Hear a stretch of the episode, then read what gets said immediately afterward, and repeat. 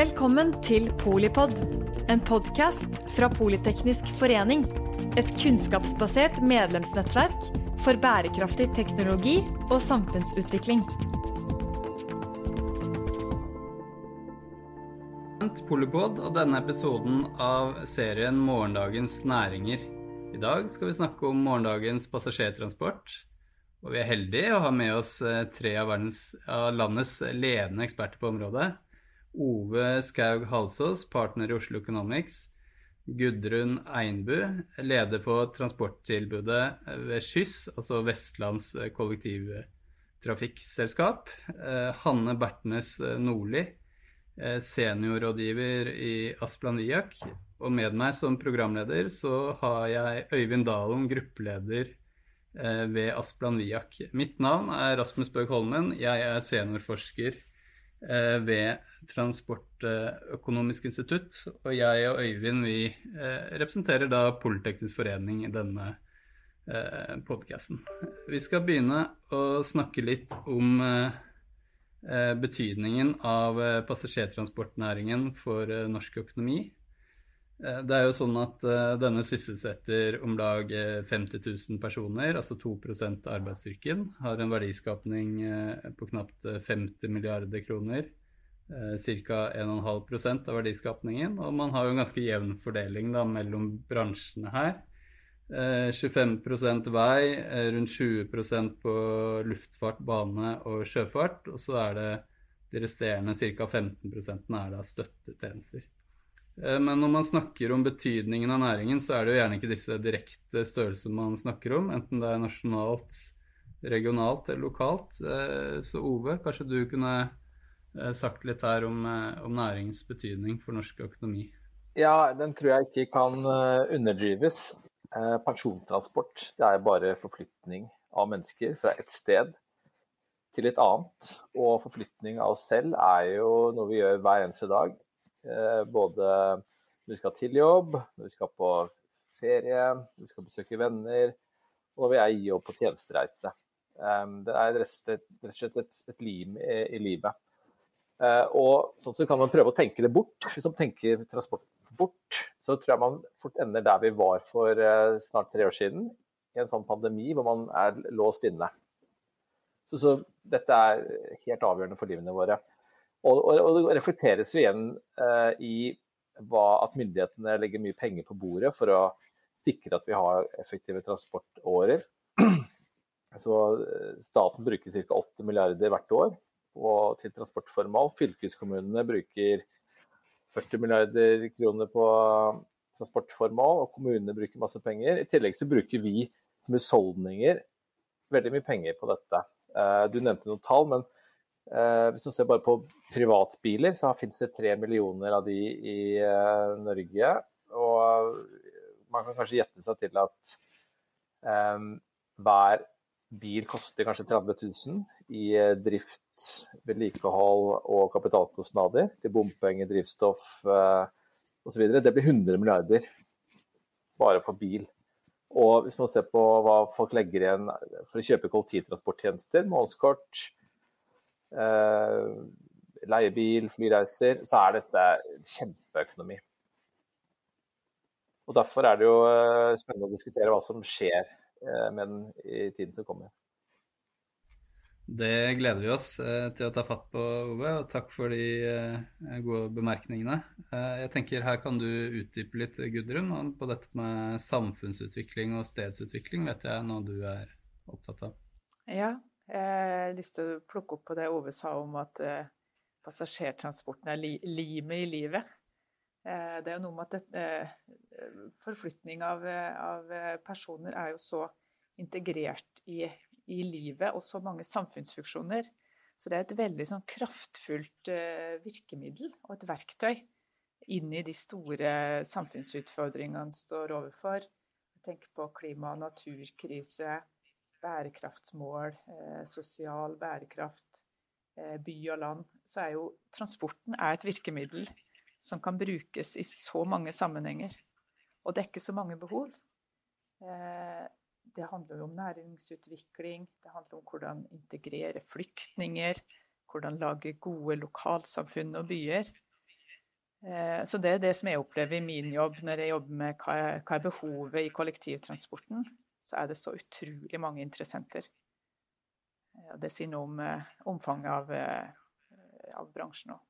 Ja. det er jo litt det som går på eh, Man skal dekke mange forskjellige behov. Og, og også som ulike steder i landet så er det jo ulikt si, grunnlag for å eh, passasjerer. Så eh, Gudrun, si litt om utfordringen sånn som på Skyss, som dere skal dekke både skal vi si, arbeidsreise i, i Bergen sentrum og mer sånn tilgjengelighet i grisgrendte strøk? Ja, det er jo to. Det er veldig ulike problemstillinger i by og land. For Bergen eh, så er det jo en, eh, en, stor by i kraftig vekst som sliter med de samme utfordringene som man gjør i byer, med framkommelighet eh, og luftkvalitet eh, og det å utvikle en god by. Så der handler det jo om å lage et godt tilbud for de store reisestrømmene. Og det store volumet reisende Eh, og du må tilby nok kapasitet og holde tritt med byutviklinga. I distriktene så er det jo lange avstander, eh, relativt få reisende. Og hvordan klare å dekke det behovet på en bærekraftig måte, som er utfordringa. Ja, den utfordrer Hanne litt på litt for det samme, men kanskje litt på eh, forskjellen eller utfordringene med si, buss og og tog og mer bane som dekker disse ulike avstander? De forskjellige transportmidlene, ja. Ja, Gudrun var jo litt inne på de ulike behovene i by og distrikt, og lange reiser med få reisende og korte reiser med mange reisende. Ehm, og det totale passasjertransporttilbudet, eller kollektivtransporttilbudet, består jo ideelt sett av transportmidler som på en måte spiller den riktige rollen slik at uh, tog som frakter mange mennesker over lange avstander og fortrinnsvis ganske fort, skal jo da brukes i områder hvor det er et stort markedsgrunnlag og hvor det er mange som skal reise samme vei. Uh, og tilsvarende tunge bussruter, T-baner. Og så er det jo når du kommer ut, på, ut i distriktene, så er det jo uh, mer krevende da å finne, finne det riktige tilbudet som ikke koster altfor mye. Og der tenker jeg, Det er kanskje noe av det vi skal diskutere litt i dag, men det er kanskje der mye av innovasjonen fremover kommer til å skje. Altså Hvordan man klarer å få til løsninger i områder hvor markedet er tynt, men hvor, hvor det fortsatt er folk som trenger et mobilitetsbehov. Eh, så kollektivtransport handler på en måte i distriktene så handler det om å gi på en måte den minste graden av mobilitet du kan gi. da. Eh, mens i byområdene så handler det i stor grad om å få folk til å reise på en måte som ikke belaster samfunnet for mye. Så det er liksom litt to forskjellige måter å tilnærme seg transportplanleggingen på. Men ideelt sett så får man jo de transportmidlene til å spille sammen. Og så er det klart, tog er jo kjempedyrt. Det er dyrt både å investere i og drifte. T-bane kommer på nivået etter, og så nedover bybane, trikk, buss så det er også noe med å bruke pengene riktig eh, og få mest mulig ut av de samlede pengene man har. Da. Enten det er eh, fylkeskommunale midler, statlige støtteordninger, bruken av ikke minst billettinntektene som eh, kollektivselskapene får inn. Så det er jo et puslespill, og veldig mye som henger sammen. Ja, du var inne på litt det med litt ny eh, innovasjon. At det er jo en del nye tjenester, eh, ny mikromobilitet, som kanskje kan eh, supplere dagens tilbud. Både i byen, men også kanskje i enden av reisen litt mer spredt bevegelse. Vet ikke om du har noen tanker om det, Gudrun? Ja, det er jo noe av det som virkelig endrer bransjen, eller potensielt kan endre bransjen framover. Vi har jo kollektivsystemet som vi kjenner det, som er ryggraden. Eh, der det er mange reisende i, i ulike transportformer, som Hanne er inne på. Eh, og så er det jo det som skjer nå med ny teknologi og ny, nye forretningsmodeller, som gjør at det er mulig å koble sammen eh, et helt univers av mobilitetstjenester knytta på den ryggraden som vi eh, tradisjonelt har jobba med. Og hvordan dette skal skje, hva er de nye aktørene? Hva er det offentlige sin rolle? I sammenkobling av alle disse nye tjenestene. Det er jo det virkelig spennende som skjer framover. Når man snakker om eh, kollektivtrafikk, så, så, snakker man jo ofte om det lokale og det regionale, men vi har jo også et, et nasjonalt kollektivtransportsystem. Da.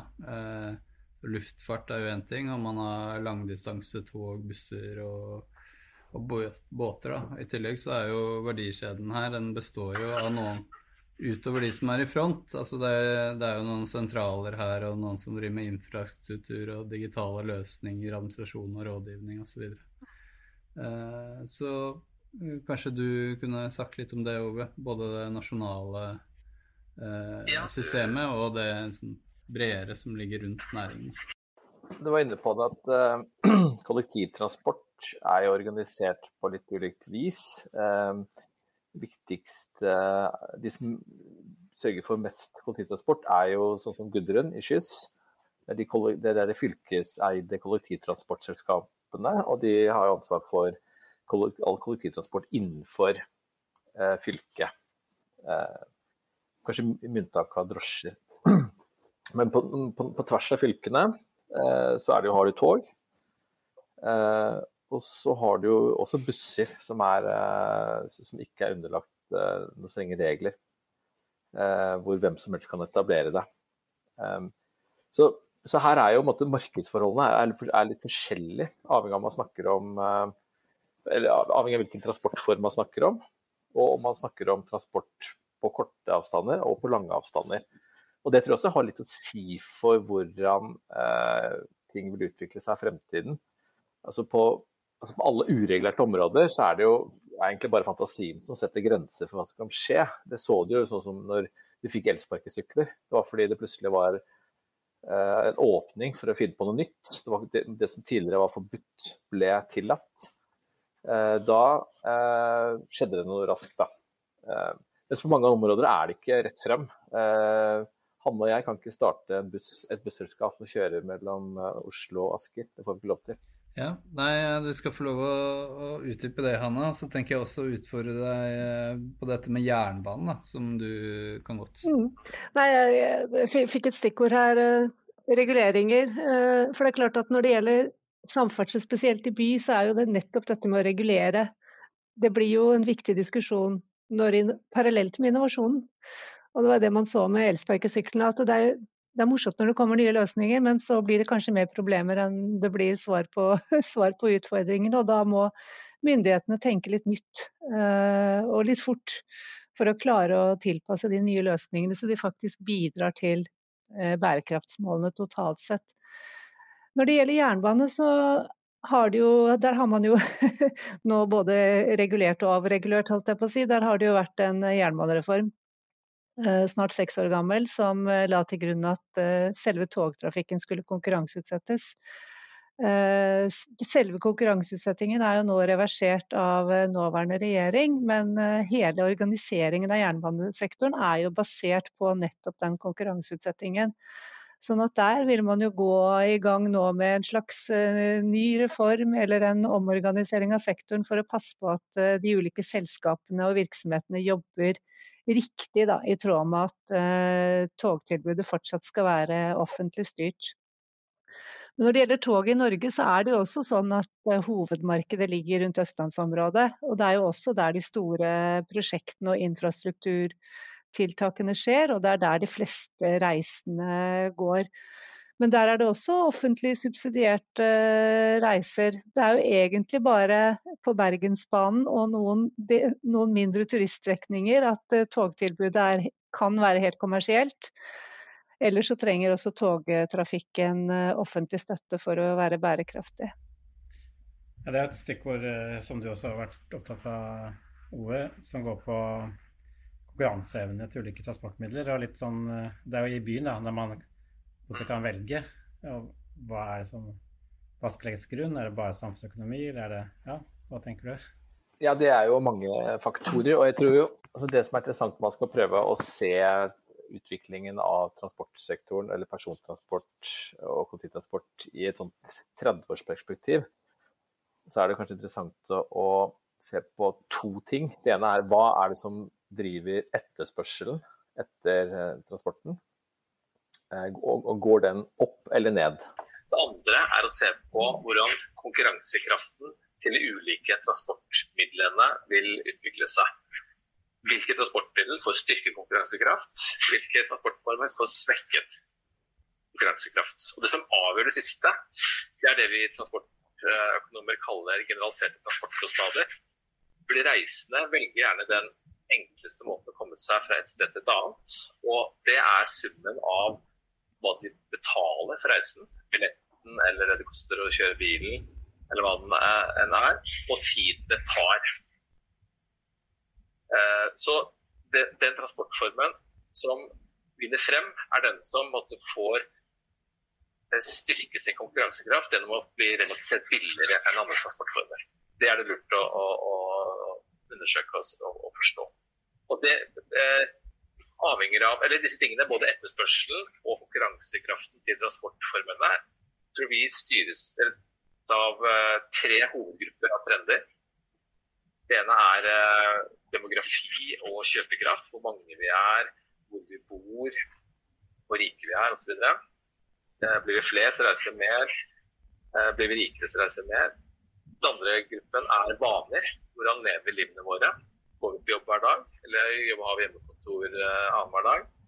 Er vi på hytta uh, ofte? Uh, og bor i byer? Vi reiser veldig kort. Bor vi på bygda, reiser vi lenger. Så vaner er viktige. Det siste er, er teknologi. Hvordan vil teknologien utvikle seg på ulike områder? Og teknologi mener jeg da både det at man kan få ny eh, teknologi for drivstoff, altså du får elektrifisering. Men, eh, men, det, men, også at du kan få nye forretningsmodeller. Privat. At man går fra å eie sin egen bil til å leie den eller lease den. Eh, eller at man kan få selvkjørende biler eh, og, og, intelligente transportsystemer. Eh, eh, det tror jeg er viktig å forstå utviklingen på. Takk for, for, det, Ove. Uh, her er du inne på dette med disse etterspørselstrendene og teknologitrendene òg, uh, for så vidt. Men uh, la oss ta etterspørselstrendene.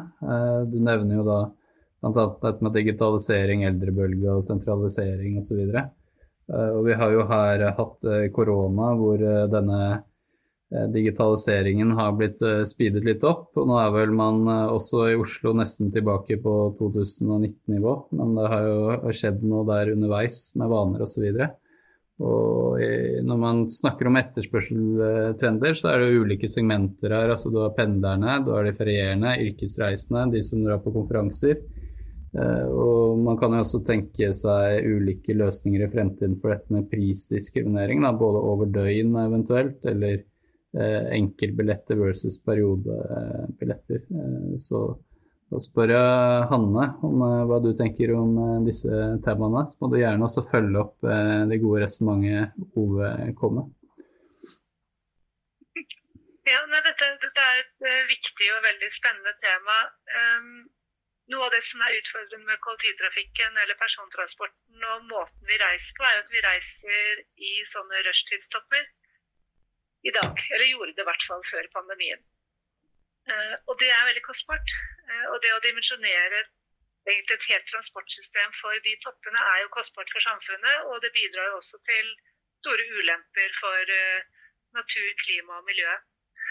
Så det å bruke lærdommen fra pandemien, hvor vi reiste litt mindre, litt på en annen måte, og kanskje den aksepten som ligger i befolkningen nå til å reise litt jevnere over døgnet. Eh, det tror jeg blir veldig nyttig i byområdene særlig.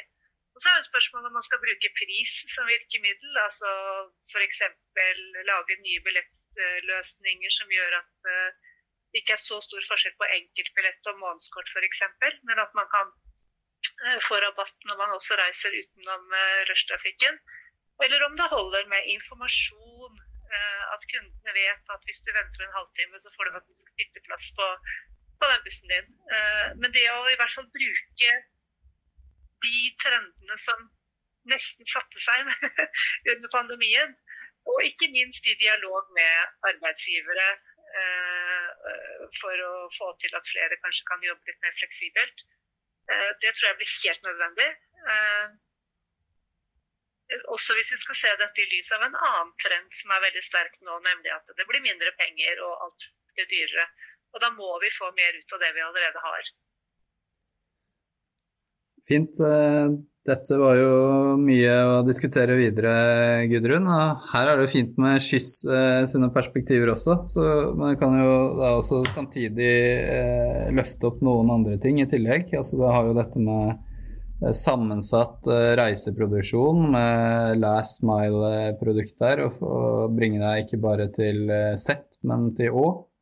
Eh, sømløse reiser mellom moder er jo en ting. Også dette er jo litt forskjellig om man tenker seg veitransport eller andre typer transport.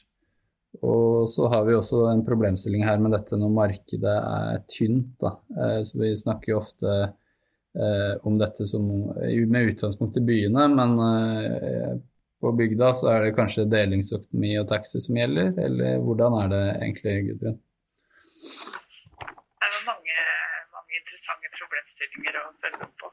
Det er jo veldig interessant å slå tilbake på det som skjedde gjennom pandemien, eh, og slått sammen med andre trender som har forsterka en utvikling. Eh, og Det var jo en veldig sånn brått skille. Jeg har jobba i, i, kollektivbransjen og i Bergen. Eh, jobba med utvikling av styrking av tilbudet i Bergen i ti år. Og over natta så var det nye kampanjer. Ikke reis med oss. Eh, alle reiseråd sa ikke reis kollektivt, og mista jo alle inntektene over natta. Samtidig, og folk har vært veldig bekymra for å reise sammen, som er liksom grunnideen i, i, kollektivtransport. Samtidig så er det jo den framveksten av nye tjenester, eh, mens kollektivet ikke har tenkt at det var ingen konkurranse på en måte i det offentlige kollektivtilbudet. Da har det jo vokst fram mange nye tjenester som er reell, reell konkurranse, særlig på korte reiser i by. da. Og Hvis du ser på brukerbehov og brukerønsker, så handler det jo om mer fleksibilitet. Eh, eh, eh, totalpakken i mobiliteten, det å på en måte kunne dekke alle typer reisebehov. Det å ha det enkelt tilgjengelig digitalt. Ikke helst ikke i ti ulike apper, men helst samla ett sted. Og det må ha mer sånn individuell tilrettelegging og individuell tilpassing til mitt behov. Og det er noen trender som liksom, når du ser dem sammen, så, så, skjer, det, så skjer, det, et eller annet. Den der muligheten som har oppstått nå til å, til å utvikle en mer felles digital plattform, og sy sammen ulike tjenester for den reisende i en enkel løsning eh, som gir individuell fleksibilitet og tilpasning, det, det endrer etterspørselen, tenker jeg, forventningene fra brukeren til hva skal hva som er enkelt og hva som er billig i, i sine termer. Og så er det en stor utfordring tenker jeg, med hva den enkeltes ønske i forhold til samfunnets behov i de eh, klima-, natur-, krisetider eh, man står oppi. Eh, ja, og så er det som innom her at du, når den offentlige økonomien Det er ingen grunn til å tro at det blir mer penger eh, å bruke på, på, transporten her, så det gjelder å finne smarte løsninger. Ja, det individuelles behov opp mot samfunnets behov eh, er jo en grunnproblemstilling. Ja. ja, det som uh, slår meg litt, er at uh, her uh, Når man reiser så mye nå, så det man samler inn masse data. og for å skulle lage skreddersydde løsninger, så må man få forståelse av hvordan eh, folk tenker og handler. Eh, er det noen sånn tanke på hvordan man kan eh, De dataene har jo en slags verdi. Er det noe man kan bruke det til? Eller, har du noen tanke på det? Både Ove, du har jo noe ja, altså, Jeg tror det er kjempenyttig, og at man kan få bedre kunnskap om elastisiteter, som vi kaller det i økonomi. Altså hvordan eh, passasjerer påvirkes av endringer. Enten i priser, eller i tilbudet, eller i komforten, eller hva det måtte være. da. Man som kan forstå hva er det som styrer etterspørselen. Og så er det som Hanne var inne på, jeg tror altså et, et, et, område jeg er sikker på det kommer til å se store endringer, er det med prising av, av kollektivtransport. For det er jo, Der har vi levd i, i hvert fall hele min levetid med et sånn prinsipp om at det skal koste det samme Eller én pris for månedskort, og så har du én pris for enkeltturer. Uansett når du kjører hvor mye og med månedskort hvor mye du kjører. Det, det virker ikke klokt da, og, i fremtiden, selv om det har noen fine fordelingseffekter. For det er nettopp det derre altså, Det er ekstremt dyrt, sånn som vi har hatt det eh, lenge med at du får, rush, du får den rushtiden. Eh, og veldig mye sånn infrastrukturutvikling, i hvert fall i byene, har vært motivert ut fra et ønske om å løse flaskehalsene. Som hele E18-utbyggingen og den tanken om eh, sentrumstunnel i Oslo. Og tanken om å bare løse den, selve det flaskehalsproblemet. Jeg skal strekke etterspørselen litt ut, og kanskje redusere den mellom dager i uka. Så slipper du disse investeringene. Du sparer hundrevis av milliarder i investeringer uten at eh, tilbudet trenger å tilpasses særlig grad. Ja, hva tenker du? Dette kan uh, Informasjonen som du snakket om, den datafangsten kan brukes til å, å forstå hvordan man skal prise tingene. Og så er det jo litt Nå tar jeg bare ordet her. Altså. Vær så god. det, er litt, det, det, er jo litt sånn uh, dilemma det her med at vi, nå, vi, nå, får vi jo veldig mye data. Uh, og, og, data som kan, ikke nødvendigvis kan brukes til å endre på de store måte, planleggingen av ruter, infrastrukturprosjektene. Dette er jo ting som tar lang tid, og som tar lang tid å dreie på også. Så Utfordringen er jo å klare å bruke de dataene vi henter til ting som kan endres litt raskere. og Da er jo priser et eksempel. Men det kan jo også være informasjon. Eh, og Det kan være kundebehandling. altså Det kan være andre elementer som, ved tilbudet som ikke er så fysiske og så stive eh, å endre på. da. Men det er klart det er en utfordring. Kollektivtrafikk er jo et stivt system. Busser går på faste ruter. Man endrer ikke dem bare sånn over natten. Eh, men det er klart at når du får flere nye, kanskje litt mer fleksible løsninger på toppen av det stive, så vil disse dataene være, være viktige. Hvis du får flere uh, selvkjørende, autonome busser som kan plukke opp folk akkurat der de er og akkurat dit de skal, det er klart da trenger du på en måte samtidsdata og at kundene har mulighet til å bestille uh, så raskt som mulig. Men det er jo, dette er jo trender som utfordrer sektoren. Ja, det er jo, en annen trend er jo elektrifisering og alternative drivstoff. Mm, Gudrun, hvor langt mm. uh, er det kommet på det? Til at, uh, ja. Uh, I Vestland har vi kommet langt. det er jeg veldig glad for. Det har vært spennende å jobbe med i mange år. Og så er jo politisk styrt, og det er ingen tvil om de politiske ambisjonene på nullutslippsområdet. Ønsker å bruke bort som et virkemiddel både for nullutslipp, men også for, eh, for næringsutvikling for norske, for norske, bedrifter. Eh, og dette gir jo, endrer jo aktørbildet òg i forhold til det med energiforsyning, energiinfrastruktur til eh, kollektivbransjen, som ikke har vært så stort tema før. Eh, mulighet for nye tjenestetilbydere på energitjenester, både på energi- og eh, ladeinfrastruktur. Som òg gjør at det har fått et litt sånn nytt landskap. Ove? Ja, det der med elektrifisering er, jo, Jeg er helt enig at det gjør en kjempejobb både på Vestlandet, men også på det landet med å elektrifisere kollektivtransporten. Jeg tror de fleste er enige om at den, den trenden kommer ikke til å snu. Kommer til å fortsette til man har elektrifisert egentlig all, all transport da, på et eller tidspunkt. Og så er det interessante eh, hvordan vil det påvirke eh, konkurransekraft til de ulike transportmidlene. Og der er jo, er det jo måte, sånn, tror jeg, da, at det vil svekke jernbanens konkurransekraft. Jernbanen har jo hatt nytt veldig lenge godt av at de har vært det miljøvennlige alternativet. Nullutslippsalternativet. Men når man kan kjøre busser og ja, fly kanskje og reise på en annen måte uten at um, ja, uten, uten, utslipp, så er spørsmålet hva, hvorfor skal man bruke masse penger på å vedlikeholde en jernbane mellom Oslo og Bergen? Ja. Og så har man jo digitalt uh, substitutt kanskje her. Uh, jeg ser Hanne kan få en kort uh, replikk her. Ja, bare veldig kort kommentar på det. for Da blir jo i så fall den politiske Det er en politisk vurdering. da, For kundene bryr seg jo dessverre ikke så veldig mye om det. De bryr seg om hvor raskt de kommer fra A til B. Eh, og da vil jo toget vinne der hvor man kommer raskt fra A til B. Eh, og så er det turistsegmentet, selvfølgelig, hvor det ikke spiller så rolle hvor lang tid du bruker. Ja. Men, men, når det gjelder eh, klima- og miljøperspektivet, helt klart i forhold til investeringer, at det kan bli mindre relevant å investere i jernbane når de andre transportmidlene også blir klimanøytrale. Men da handler det om at jernbanen har helt andre fordeler, nettopp ved det at man kan frakte mange. da. Og litt komfortabelt. Litt mer komfortabelt enn alle disse byttene når du skal drive med fly.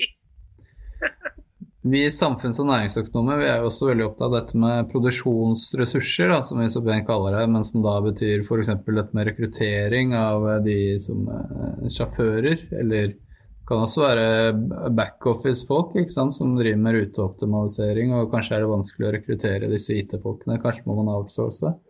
Og så er det også interessant dette med fremkomstmidler. Da. Altså her er det jo eh, nytt masjonell eh, er jo kanskje lengre leveringstider på enn tidligere. Og her kommer det jo nye teknologier inn. Ikke bare med det vi har snakket om med nye energiformer, men også med automatisering og intelligente transportsystemer mer generelt. Eh, så Gudrun kunne gjerne si noe om dette. Ja, her er det jo veldig eh, problemstillinger som vi kjenner på kroppen. I vinter, eller siste året kanskje, har vi hatt stor mangel på sjåfører, eh, spesielt i Vestland. Og det er jo et nasjonalt eh, problem. Det har vært mange som har stått og venta på bussen sin i Bergen, for det har vært innstilte avganger. Det er rett og slett ikke mulig å få tak i nok sjåfører. Så det er jo et, et stort bransjeproblem. Og selv om den kanskje på, på sikt eh, sjåførrollen endrer seg fullstendig, så da er det en ganske lang periode der det er behov for eh, rekruttering i den bransjen. Hm. Så ser vi jo i, eh, i skyss så er det en utfordring. Det gjelder jo arbeidsmarkedet generelt. Når det er vanskelig å få tak i folk, så biter jo også det offentlige er jo ikke lønnsledende som regel. Så kanskje særlig på digitaliseringssida, det å bygge opp den kompetansen som skal til for å kunne ta vår rolle inn i det nye eh, digitale MAS-systemet med, med, transport som en tjeneste, eller mobilitet som en tjeneste. Der er det klart det er vanskelig for å, å få tak i nok og riktig eh, ressurser. Og I forhold til materiell, altså bussmateriell f.eks., eh, så er det jo blitt mye lengre leveringstider Eh, og vanskelig å få tak i. Eh, lange køer hos, eh, hos produsentene. Det er mange, og der er kanskje også pandemien har jo slått inn, men det er vel flere, flere årsaker. Så, så leveringstidene og, og tidsløpene våre blir stadig lengre i en, i en periode der det er behov for å gjøre raskere omstillinger. Ja, det er litt over litt tilbake til uh, bra innspill, men også litt tilbake til noe som du var inne på tidligere også, Ove, på rammebetingelser og investeringsbehov for ulike transportmidler. og Hvordan det konkurranseflatene der, uh, som også havna inn på at det blir mindre penger uh, tilgjengelig, offentlige midler tilgjengelig. Hvordan ser du for deg at dette blir fremover? Ja, Det syns jeg er veldig interessant å følge. Eh, for det er jo klart, Transportsektoren er vel sektor hvor det har vært gjort veldig mye investeringer de siste årene. Brukt veldig mye penger på det. Eh, og i hvert fall jeg, jeg har jo vært med å regne på disse prosjektene, og jeg vet at det er veldig ofte at de ikke går i pluss. Man eh, regner så vurderer kostnadene på nytten av disse tiltakene. Så Spørsmålet er om man kommer til å fortsette med det. Særlig eh, hvis man ser på det, som driveren, hoveddriveren for disse, disse store prosjektene. Det er ofte tidsbesparelse. Det er det som, det er, det som er den største driveren til nytte. Eh, og tidskostnaden tror jeg er en faktor som kan påvirkes eh, eh, i en retning hvor du får hvor, hvor, hvor, hvor tillegger kostnaden av å reise mindre vekt enn tidligere. Dette fordi man har, kan sitte og kose seg med internett og uh, se på Netflix og sånn. Det blir jo ikke så blir tidskostnadene relativt mindre enn sist som kommer. Og da vil på en måte nytten av disse store prosjektene bli enda mindre. da. Og det samme lurer jeg på sånn, hvis man skulle hvis man skal ha tro på selvkjørende biler og automatiserte løsninger, så vil det også kreve veldig store investeringer da, i teknologi. Vi er litt sånn usikre på om man klarer å regne hjem. Fordi igjen nytten av, av å bruke 100 milliarder på å få til å kjøre eh, selvkjørende biler fra Oslo til Trondheim, hva, er, hva får man hjelp for det egentlig? Da er forskjellen at en uh, bilist sitter og uh, kan sitte og ligge og sove da, eller se på Netflix, kontra at den sitter med apparatet. Og jeg er ikke sikker på om det er kjempestor nytte. Og jeg tror i hvert fall dårligere tider betyr at man vil se nøyere på, på hva man får igjen da, for pengebruken. Og da er jeg usikker altså, på om uh, samferdselssektoren kommer til å være vinner. Jeg har mer tro på at vi kommer til å bruke penger på vedlikehold mm. uh, og kanskje drift. Ja, hva tror du, Hannem? Offentlige prioriteringer, finansiering? Uh, sektoren er jo Jeg tror også det, vi er nødt til å få mer ut av det vi har, rett og slett. Eh, og det har jo vært investert og investeres fortsatt mye i infrastruktur, og da må man på en måte optimalisere. Optimalisere både rutetilbudet på kollektivtrafikken, men kanskje også jobbe med Det er jo et transportmiddel vi ikke har, flere transportmidler vi ikke har snakket om her. Men, men, men, vi kanskje jobber mer med at folk både går og sykler, og at det er enklere å gå til en holdeplass enn at du nødvendigvis skal fraktes eh, helt fra der du er til der du bor, eller til der du skal. Fordi det vil medføre enda nye investeringer. Så det å liksom få mer ut av det man har til nå, da må man jobbe rett og slett med ruteoptimalisering, som sikkert Gudrun kan snakke lenge om. Men også det vi var inne på i sted, med å bruke pris eller andre virkemidler for å få folk til å reise ikke i sånne rushtidstopper, som gjør at du ikke trenger å ha så stor kapasitet i nettet. Det, det, tror jeg det blir absolutt uh, avgjørende. Det var litt sånn, Vi har jo vært Gunnar var litt inne på det i starten, men det er noe med eh, En del kollektiver har jo på en sånn der, strukturerende effekt, altså med å danne knutepunkter og sånt, som kanskje mm. ikke helt, som forsvinner litt i den uh, rene sånn tidsregningen. Uh, så jeg vet ikke om Gudrun og. Hanna dere har noe på det? Jeg tror vi må holde oss til én her. Jeg tror vi, vi, Du får si Gudrun. Ja, Gudrun først. jeg kaster meg på. Ja. Altså, det, er jo, det, er jo, en veldig interessant og viktig del av, av kollektivtrafikken sin kapasitetssterke eh, ryggrad. Og hvis du ser på Bybanen i Bergen som et eksempel, så er det jo et stort byreparasjonsprosjekt og bystruktureringsprosjekt der du bruker transportsystemet til å eh, organisere byen. Eh, der du virkelig ser effekten av det når du får til det på en god måte. Så ser du det på byutviklinga. Og arealbruken er jo en av de store utfordringene eh, framover. Vi, vi, begynner å nærme oss eh, landing, men eh, konkurranseregulering må vi jo komme inn på, selvfølgelig. da, og Oslo Economics, dere driver jo mye med det, så det er jo morsomt å snakke og diskutere dette med dere. Da har vi f.eks. løyver med eh, Taxibransjen er jo en ting, og du har jo oppsplitting av verdikjeden i kollektivtransport. og mye greier, da. Ting som ofte er veldig sånn uh, politiske steile fronter, men kanskje vi økonomer er litt mer pragmatiske til. Jeg vet ikke hva du sier, Ove? Ja, dette er jo et uh, interessant tema. Jo, vi snakker om en veldig strengt regulert bransje som vi har vært inne på tidligere. Det er jo ikke fri etablering på så mange deler av denne innen sektoren. Og det er ikke tilfeldig at det er sånn. Det er fordi det er, dette er også transporttjenestene er eh, markeder som er måte, fulle av markedssvikt. Hele rekka av markedssvikt det kan du sjekke av her. Det er stordriftsfordeler, eh, det er ufullstendig konkurranse, monopoler etc. Så, så, derfor så tror jeg at man opplever ofte det hvis man har frislipp.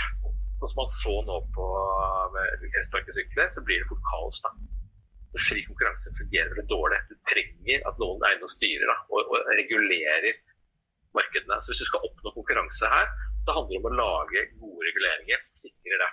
Det, tror jeg man, det har man gjort innenfor kollektivtransport innenfor fylkene i veldig stor grad. Lyktes med det. Man har gjort det litt delvis på jernbane. Og så har man kanskje i ferd med å få den på ettersparkesykler. Og så tror jeg drosje gjenstår. Der er man i et slags kaos nå. Hvor man har bare gått fra én, et ytterpunkt med litt sånn gammeldags eh, måte å regulere det på gjennom løyver, til fullt frislipp. Som ser ut til å fungere ganske dårlig. Jeg er veldig spent på hva, hva myndighetene gjør der. Um, nå vet jeg at det er et utvalg som er satt ned for å se på en full reversering av av denne liberaliseringen av drosjesektoren. Det tror jeg ikke kommer til å funke. Jeg tror man må finne en slags ny middelvei. Jeg tror kanskje disse kollektivtransportselskapene, der Gudrun og co., kan løse eh, at det må skje gjennom en sånn innkjøp. Man kjøper inn noen lisenser eller kanskje ja. Sånn som det er nå, så fungerer det veldig dårlig. Folk tør ikke ta drosje lenger i Oslo. På taxifronten er det jo mye å ta tak i her. Her kommer vi invitere deg igjen, Ove, til en egen eh, morgendagens ja, ja, taxinæring, kanskje. Altså. Det er kult, det. Men uh, hva med jernbanen, da, Hanne? Ja, jeg var så vidt inne på det i sted. Det er klart at og Ove er jo eksperten på hvordan konkurranseøkonomi fungerer. Men det er klart at når du bruker konkurranse innenfor et område hvor det er veldig mange ting som henger sammen, så er det litt krevende å måte, peke på hvor du skal konkurranseutsette, og hva slags form for konkurransekontrakt skal du ha. Og innenfor jernbane så har man jo konkurranseutsatt uh, selve tog... Eller man gjorde det, da. Det er jo nå reversert, men man konkurranseutsatte jo selve togtrafikken. Og da konkurrerte jo egentlig selskapene bare om å vinne en avtale for en viss periode. I andre land så har man jo konkurranse på sporet, som det heter, hvor forskjellige togselskaper konkurrerer om å fange kundene. Men det kan jo også fort bli realiteten innenfor et byområde, hvis f.eks. togselskapene konkurrerer med Ruter da, i Oslo-området eh, om å ta kunder. Det er jo ikke det man ønsker seg. Man ønsker seg at alle transportmidlene skal spille sammen. Så da blir konkurranseutsetting som virkemiddel blir veldig krevende i sånne helintegrerte områder.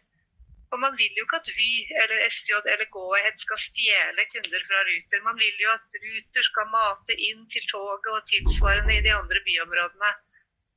Så det er, det er, et vanskelig virkemiddel å bruke innenfor tog i Norge. Og det er ikke sikkert at det er et riktig virkemiddel heller. Men det å bruke konkurranse for å få mer for pengene, bedre kundeløsninger, det er jo utgangspunktet positivt. Og så er det bare å finne den rette modellen, da. Jeg synes, uh... Men nå er jo konkurranseutsettingen på jernbane avlyst, og det er jo selvfølgelig en politisk beslutning. Og det var jo, som Ove var inne på, her handler det mye om ideologi. Jeg syns du får frem avveiningene her på en, på en god måte. Eh, siste sånn tema før vi går inn for en, noen avsluttende kommentarer, det er jo da dette med energi- og miljøreguleringer. Da. Det er jo Én ting er jo dette med subsidier av elbiler, som selvfølgelig kan være godt motivert. Men eh, altså den uheldige bivirkning av ikke skattlegge de fossile bilene direkte, er jo da at, eh, at man får en sånn bieffekt. Da. At eh, kollektivtrafikk blir relativt mindre gunstig. Også andre ting som skjer her, er jo dette med overgangen til elektrifiserte løsninger, da, hvor eh, politikerne stiller krav til elektrifisering i ulike deler av kollektivtrafikken. Dette er naturlig at du eh, svarer på, Gudrun? Ja, det er jo mange og store spørsmål i det du nevner der. Men jeg tenker at elektrifisering er jo et stort, et stor gradspørsmål og et kostnadsspørsmål store investeringer som må gjøres. Eh, og ambisjonsnivået er jo der, men hvem skal betale for det? Det er jo diskusjonen eh, som en sitter med i fylkeskommunen og peker ofte oppover mot eh, staten. At her er nasjonalt ansvar å bidra. I forhold til elbiler så tenker jeg at det er jo altså det, det Norge har gjort der, har jo vært en suksess. For å, å, å utvikle byen Og, og, jeg tror, hvis jeg ikke tar feil, så så jeg tall nå at uh, nybilsalget i Bergen så er det 97 andel elbiler. Og da, da, har du jo lykkes med noe. Så spørs det jo hva, hva er veien videre da. Eh, hvor eh, billig skal det være å kjøre elbil? Eh, elbilen bidrar med samme kø, har samme bidrag i køa som en, en fossilbil. De mister inntekter til andre viktige prosjekter. Så Det er absolutt et spørsmål om det, det kan fort gi en negativ spiral og ta konkurransekraft fra andre løsninger som samfunnet i større grad burde bygge opp under. Dette her nærmer seg jo fort eh, politikken. Da. Ja, nå har vi vært gjennom veldig mange spennende temaer, men er må nesten avslutte. Eh, så vi kan alle få en, sånn, en kort kommentar til slutt, som kanskje begynner med Ove, og så Hanne og Gudrun til slutt. Jeg tenkte på det da jeg skulle forberede meg til denne sendingen, eh, om jeg klarte å formulere noen eh, helt konkrete spådommer på fremtiden på dette området. Og da har jeg notert meg et par ting som jeg tror som datt ut av den analysen vi gjorde for Statens vegvesen av fremtidens transport for noen år siden. At jeg tror på færre privateide biler. At man i større grad eier bilene gjennom uh, bilkollektiv uh, eller leasing. På mer, på mer individuelt tilpasset kollektivtransport, som også Gudrun og Hanne har vært inne på. Du er på full elektrifisering, som gir litt svakere konkurransekraft til i hvert fall jernbane på lange strekninger. Eh, så tror jeg du får mye mer differensiert prising av kollektivtransport. Alt dette også gjør at du vil få færre store investeringsprosjekter i infrastruktur. Så tror jeg kanskje på mer buss. Eh, Hanne? Ja, det, det, jeg syns det er veldig vanskelig å spå ja, nå når det er så store usikre tider. Eh, mye av det Ove snakket om nå, det var jeg veldig enig i før pandemien og før krigen. og jeg er fortsatt enig i veldig mye. Og så har det kommet noen, noen nye usikkerhetsmomenter. Eh, men, men, men, jeg er fortsatt veldig mye enig, mye enig, veldig enig i mye av dette. Men jeg tror, og det er kanskje bare noe jeg håper, da, men jeg tror kanskje at det også blir en liten sånn eh, steg tilbake, fot i bakken knyttet til å tenke litt mer på de grunnleggende systemene vi har. Grunnleggende arealbruken, det med å gå, sykle. Altså litt sånn det vi kaller det for en slags low-tech-strategi, da. Altså litt back to low-tech.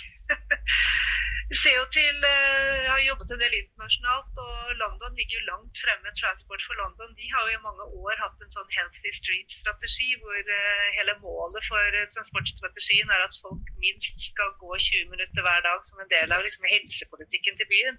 Det er noe med å integrere helse og for så vidt lokalmiljøet inn i transportpolitikken på en annen måte. Det tror jeg kanskje vi kommer til å se. Uh, og Det kan henge sammen med det at vi også nå har fått en uh, verdensstrategi for naturvern, ikke bare klimagassutslipp. Det er bra. Uh, Gudrun, til slutt? Jeg tror ikke jeg skal prøve meg på noen spådom, men kanskje mer ønske. Uh, kan påvirke, kan påvirke en god retning her, så tenker jeg at det er viktig at utviklinga ikke er rent teknologidrevet eller Eh, økonomidrevet i forhold til hvor, hvor finnes det profitt. Men at vi kan legge til grunn hva, hva er behovet hos eh, innbyggere. Hva er behovet, eh, samfunnsmessige behov, da inne på det som Hanne snakker om. Vi har jo felles mål om å redusere utslipp, og så må passe på arealene våre. Inkludere helse og lokalmiljø. Det er de behovene som ligger til grunn for utviklinga. Og Da gjelder det å samle alle virkemidler eh, til å dra i riktig retning. Og det, det, blir interessant å se hva rolle det offentlige skal ha i å, å være med å eh, styre og samordne tilbudet til, til de reisende. Flott. Eh, du har hørt på podkasten 'Morgendagens passasjertransport', en podkast i Politeknisk forenings podkastserie 'Morgendagens næringer'. Eh, mange takk til eh, Ove Skaug Halsås i Oslo Economics, Gudrun Einbu i Kyss, Hanne Bertnes Nordli og Øyvind Dalen i Asplan Viak. Sistnevnte var eh, programleder sammen med meg. Mitt navn er Rasmus Bøg Holmen. Jeg jobber da til daglig i TØI og representerer sammen med Øyvind Dalen Politeknisk forening her. Og ikke minst eh, takk til deg som hørte på. Vi anbefaler da neste gang du er på reise, enten du pendler, fritidsreise eller yrkesreise, og benytter deg av passasjertransporten, og høre på, på vår podkast-serie Polipod. Så mange takk for oss. Takk for at du lyttet til Polipod fra Politeknisk forening. Få med deg flere episoder, eller bli med på nettverksmøtene som du finner på at polyteknisk.